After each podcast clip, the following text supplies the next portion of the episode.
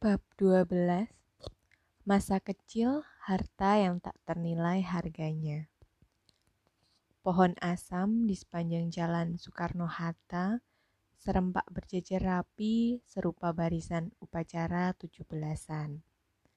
Pohon yang menjulang tinggi dengan batang besar dan daun kecil-kecil tinggal kenangan pohon yang rindang menaungi dari panas matahari yang tak pernah mandi menyisakan cerita. Bukti penggalakan Green yang sukses. Tapi sayangnya, karena pelebaran jalan, seluruh pohon ditebang rata. Tidak ada lagi berpolong-polong buah asam yang berjatuhan tidak ada lagi sumber pendapatan yang bisa aku jajakan. Biasanya, aku akan memunguti buah asam yang jatuh dari pohonnya pertanda sudah masak untuk dikumpulkan dan dibuat manisan. Lumayan bisa kujual di sekolahan. Kadang aku menawarkan di pasar karena asam termasuk bumbu dapur yang sangat dibutuhkan. Selain pohon asam, ada sungai yang diberi nama Suling karena panjangnya seperti seruling dan setiap malam mengeluarkan bunyi gemericik seperti seorang sedang meniup seruling. Anak-anak sebayaku suka sekali berenang di sungai ini sepulang sekolah. Orang-orang dewasa sering terlihat memancing di aliran bawah sungai ini. Sungai ini juga dijadikan sarana tempat pembuangan hajat besar, karena kebanyakan penduduk yang kurang mampu tidak memiliki WC. Dibuatlah rumah-rumahan dengan bentuk kubus, bisa untuk dua orang setiap tempatnya. Kalau sedang kumat usilnya, aku, Sita, dan Hetty sering melempar batu ke arah rumah-rumahan itu lalu berlari secepat kilat agar tidak terlihat sang empu yang sedang berjongkok dengan tertahan. Kadang kami bersembunyi di semak-semak pohon. Suara debam batu yang jatuh di atas air membuat orang yang sedang membuat hajat, membuang hajat panik. Seketika ia akan berlari mencari si pelempar. Masa-masa itu adalah masa kecil yang gak bisa dibeli. Aku dan teman-teman sering mencari kardus bekas di pasar untuk dijual lagi. Ketika matahari berlarian menyinari belahan bumi lain, aku dan teman-teman memburu kardus bekas di pasar. Biasanya banyak pedagang toko membuang kardus bekas begitu saja entah itu kardus susu atau rokok, semuanya kami ambil. Siapa cepat, dia yang punya. Kami menjadi pengumpul kardus hingga banyak. Uangnya kadang kami bagi bertiga. Kalau sedang musim buah sawo, subuh-subuh kami sudah bergerilya ke rumah orang yang memiliki kebun sawo. Kami tidak mencurinya, kami menunggu buah-buah itu berjatuhan dari batang pohonnya. Biasanya ada kelelawar yang sering membantu kami menjatuhkan buah sawo yang matang. Bijinya yang disebut kecik itu kami kumpulkan, lalu kami jual kepada sesama teman. Biasanya ada permainan adu kecik. Kami beramai-ramai, satu lawan satu, mencari rumah yang memiliki lantai marmer. Di satu blok lantai, kami melempar, menyebar isi sawo yang berjumlah 50 butir. Dengan hati-hati, kami mengambil dengan cara kedua tangan disatukan. Dua jari telunjuk berhimpitan mengambil satu persatu tanpa menyenggol. Kalau menyenggol, berarti harus ganti orang. Dapatnya berapa, itu jadi milik dia. Begitu seterusnya sampai habis. Biasanya aku menjadi tenaga bayaran. Kalau aku bisa memenangkan adu kecik, aku dapat imbalan 100 biji sawo. Aku jual lagi. Uangnya lumayan lah buat tambahan jajan. Teman-temanku yang orang tuanya berduit biasanya berkumpul di rumah salah se seorang untuk main Barbie-Barbian. Aku pernah berharap pada saat ulang tahunku, aku ingin diberi kado Barbie. Tapi sayangnya, itu hanya mimpi. Lambat laun aku sadar, Barbie bukan barang yang wah. Mending untuk membeli buku daripada nabung untuk membeli Barbie. Aku sadar dengan keadaan untuk makan saja, kami harus berusaha keras. Apalagi meminta sebuah mainan yang kalau rusak sudah pasti tak berguna lagi. Paling aku hanya bisa melihat mereka bermain. Cukup untuk memuaskan hasrat memiliki. Ibu dan bapak tidak mengizinkan aku sekolah di SD karena di SD tidak ada pelajaran agama mereka mendaftarkanku di MI, Madrasah Ibtidaiyah di Karangayu. Setiap hari aku harus bolak-balik jalan kaki sekitar setengah jam dari rumah. Kalau mau cepat, aku harus melewati kuburan Belanda. Itu jalan tembus tercepat. Nanti dari kuburan itu bisa tembus di kebun Mbah Putri, terus melewati ganggang desa, menembus kebun orang lagi, baru bisa sampai ke sekolah. Selama enam tahun, aku dan kakak selalu melewati jalan yang sama. Kalau sudah sampai kuburan Belanda, langkah kami percepat. Kadang berlari sekencang mungkin ada cerita bahwa di sana angker. Ada noni-noni Belanda yang menjaga. Ada beberapa orang yang sering diganggu juga. Itu kabar burung, entah datang dari mana. Tapi, alhamdulillah, selama enam tahun aku tidak pernah melihatnya. Paling banter, bulu kuduku merinding. Selama aku sekolah di MI, tidak pernah mendapatkan juara satu. Selalu kalah dengan murid yang bernama Lukman Hakim. Ayahnya guruku juga, yang mengajar tarik atau sejarah Islam. Tetapi aku tidak pernah putus asa. Selalu berusaha keras bersaing secara normal. Juara dua pernah kudapatkan setelah itu naik turun antara 3 dan 4. Begitu terus selama sekolah di MI. Lumayanlah bisa masuk lima besar dari, daripada tidak sama sekali. Kelas 6, aku terpilih mewakili sekolah mengikuti uji kompetensi matematika. Walaupun tidak menang, aku mendapatkan pengalaman yang berharga di ajang ini yaitu keberanian. Ibu yang selalu mensupport dan mengajariku berhitung, membaca, menulis, dan menghafal. Bersama ibu, aku sering belajar menghafal. Karena ibu mu'alaf, jadi masih belajar juga tentang agama dan membaca Al-Quran. Ibu tidak pernah malu untuk memintaku mengajarinya karena kalau malam hari aku mengaji di tempat almarhum Bapak Kiai Sahar. Kami belajar mengaji bersama, membetulkan lafal-lafal yang salah. Dari ibu, aku belajar kegigihan. Ibu tempat ternyaman membagi kebahagiaan.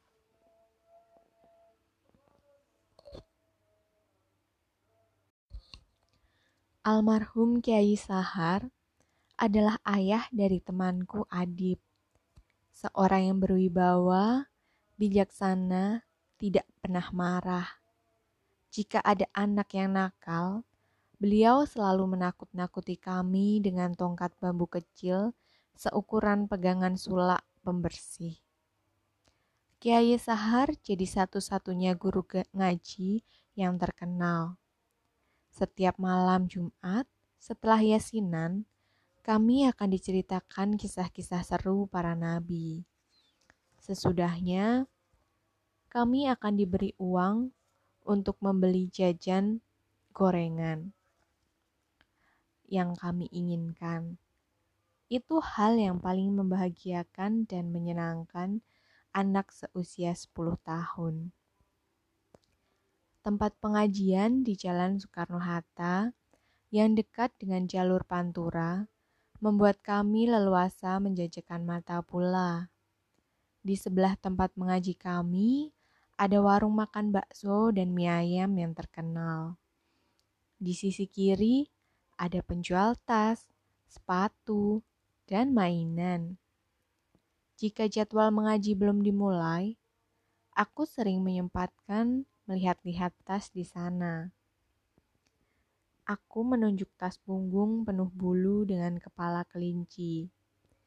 Aku berharap suatu saat nanti bisa membelinya seperti yang sedang musiman saat ini.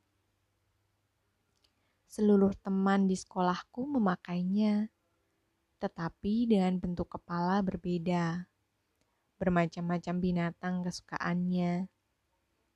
Pada waktu istirahat, mereka pun tak melepas tas bulu itu. Aku hanya bisa menatap dan berharap hingga saat ulang tahunku tiba, Bapak membelikan untukku. Aku masih ingat betul harganya, ribu rupiah. Berwarna merah muda dengan kepala beruang. Hari seakan tak pernah tua. Kasih sayang ibu, bapak, eyang, dan orang-orang tercinta tak pernah takluk oleh usia. Bulan yang kupandang dari jendela sedang ranum-ranumnya menyampaikan kerinduan yang teramat dalam. Entah kenapa, kelopak mataku tak ingin memejam. Bibirku menyunggingkan seolah senyuman kepada rembulan. Tetap temani aku ya bulan, temani kesepian yang merajam. Gadis kecilmu Rembulan membalut rinduku dalam Pantulan sinarnya meninggalkan bayangan, mengeja kehilangan yang ditaburkan kenangan. Mungkinkah waktu akan mempertemukan kita kemudian? Aku masih gadis kecilmu, aku masih gadis mungilmu. Aku masih akan terus menjadi kecil tanpamu. Cintaku tak akan melapuk di sudut waktu. Cintaku menunggu kau regup. Relung matamu yang disepuh waktu akan selalu kukenali. Meski uban memutihkan seluruh rambutmu, pun aku tak peduli. Aku masih gadis kecilmu yang rindu akan hangatnya dekapmu. Winter 1 November 2012 Bab 13 Reranting Lara Summer Agustus 2005 Aku tahu uang satu dolar tidak tidak ada harganya di sini. Hanya bisa untuk membeli daun bawang. Tapi satu dolar ini masih bertahan di kantungku berminggu-minggu. Malam ini, di tengah kebingungan di terminal besar yang baru saja ku datangi dengan waktu setengah jam lebih, aku harus merelakan satu dolarku masuk dalam kotak uang telepon umum di jalanan. Pukul 22.30, majikanku menelpon memintaku menjemputnya di terminal besar, bukan di pemberhentian bis seperti biasa. Kendala bahasa yang setengah-setengah saja, kendala bahasa yang setengah-setengah saja ku mengerti, membuatku memaksakan keberanian. Biasanya hatiku mengatakan bahwa tempat itu benar atau salah. Meski kali ini bimbang, aku tetap berusaha meyakini ini tempat yang benar. Beberapa bus warawiri berhenti dan kosong tanpa penumpang. Aku menunggu hingga pukul 01.00 dini hari. Di terminal Kuntong, bypass ini, aku masih terus berharap wajah majikanku menyembul turun dari bus setingkat.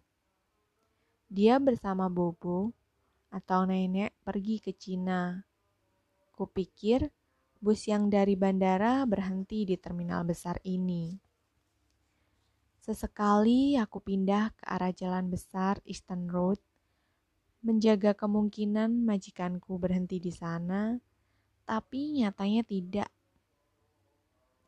Aku menggenggam uang satu dolarku, menimang-nimang untuk telepon ke agen atau rumah. Aku belum punya HP saat itu. Aku mengandalkan feeling. Aku harus telepon ke agensi. Sekali telepon agensi mengomel-ngomel, marah karena aku tidak mendengarkan dengan baik perintah majikan. Telepon ditutup. Hilanglah satu dolarku. Aku masih terus menunggu. Pukul 01.00, aku memutuskan pulang. Aku melihat jam tergantung besar di terminal. Jangan-jangan majikanku tidak jadi pulang malam ini. Aku berlari-lari kecil pulang ke apartemen Richland Gardens. Angin malam yang menusuk tak kuhiraukan. Perasaan deg-degan terus bergelayut di dada. Menyebut nama Tuhan berkali-kali agar dilindungi dan selamat. Kunci pintu aku putar. Anak majikanku masih asik di depan komputer. Itu artinya tidak terjadi apa-apa. Aku lihat dua tas besar sudah berserakan di lantai, tetapi di mana majikanku? Tong-tong, mamimu di mana? Anak majikanku yang cuek menoleh melepas headsetnya. Mami mencari kamu. Dek, bagai ditembak telak. Tubuhku langsung panas dingin. Aku kembali keluar menunggu lift turun. Ketika lift terbuka, terlihat majikanku dan Bobo dengan tampang penuh geram. Ditariknya tubuhku kasar masuk rumah. Pukulan itu melayang Bobo memisah. Sumpah serapah kembali kudengar. Telepon rumah disambar. Agensi menyuruhku minta maaf karena keteledoranku. Tiga jam kamu ke mana pelacur? Saya menunggu nyonya di terminal besar. Kataku menahan isak. Suka sekali kamu berada di luar, ha? Ngapain saja? Selidiknya menyindirku suka berada di luar rumah. Aku diam dan diam. Dia mengomel dan terus mengomel. Aku potong gaji kamu 300 dolar karena kamu tiga jam di luar. Gak ngerti aku kamu ngapain aja. Ia memberi keputusan sepihak tanpa meminta persetujuanku. Beresi tasku, cepat, dasar idiot. Umpatnya mendorong tubuhku, dan aku terjebrembab bersama dua tas besarnya yang teronggok bisu di lantai.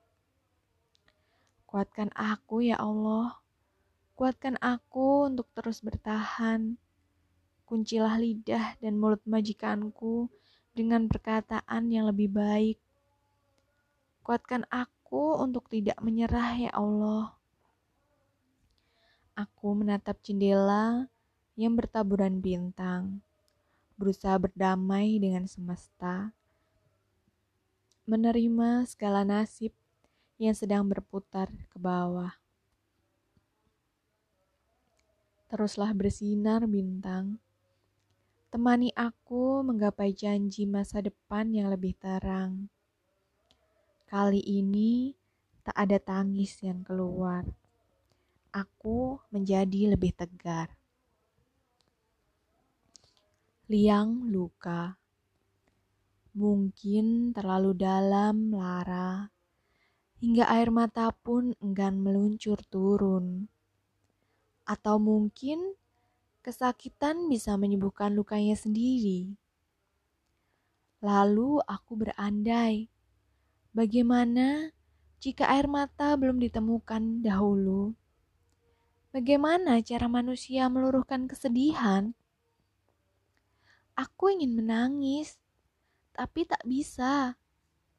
Mungkin tangisku telah habis menjadi basi, atau kantung mataku telah diangkat dari wadahnya. Mungkin dia berpura-pura dungu membisu karena telah terbiasa.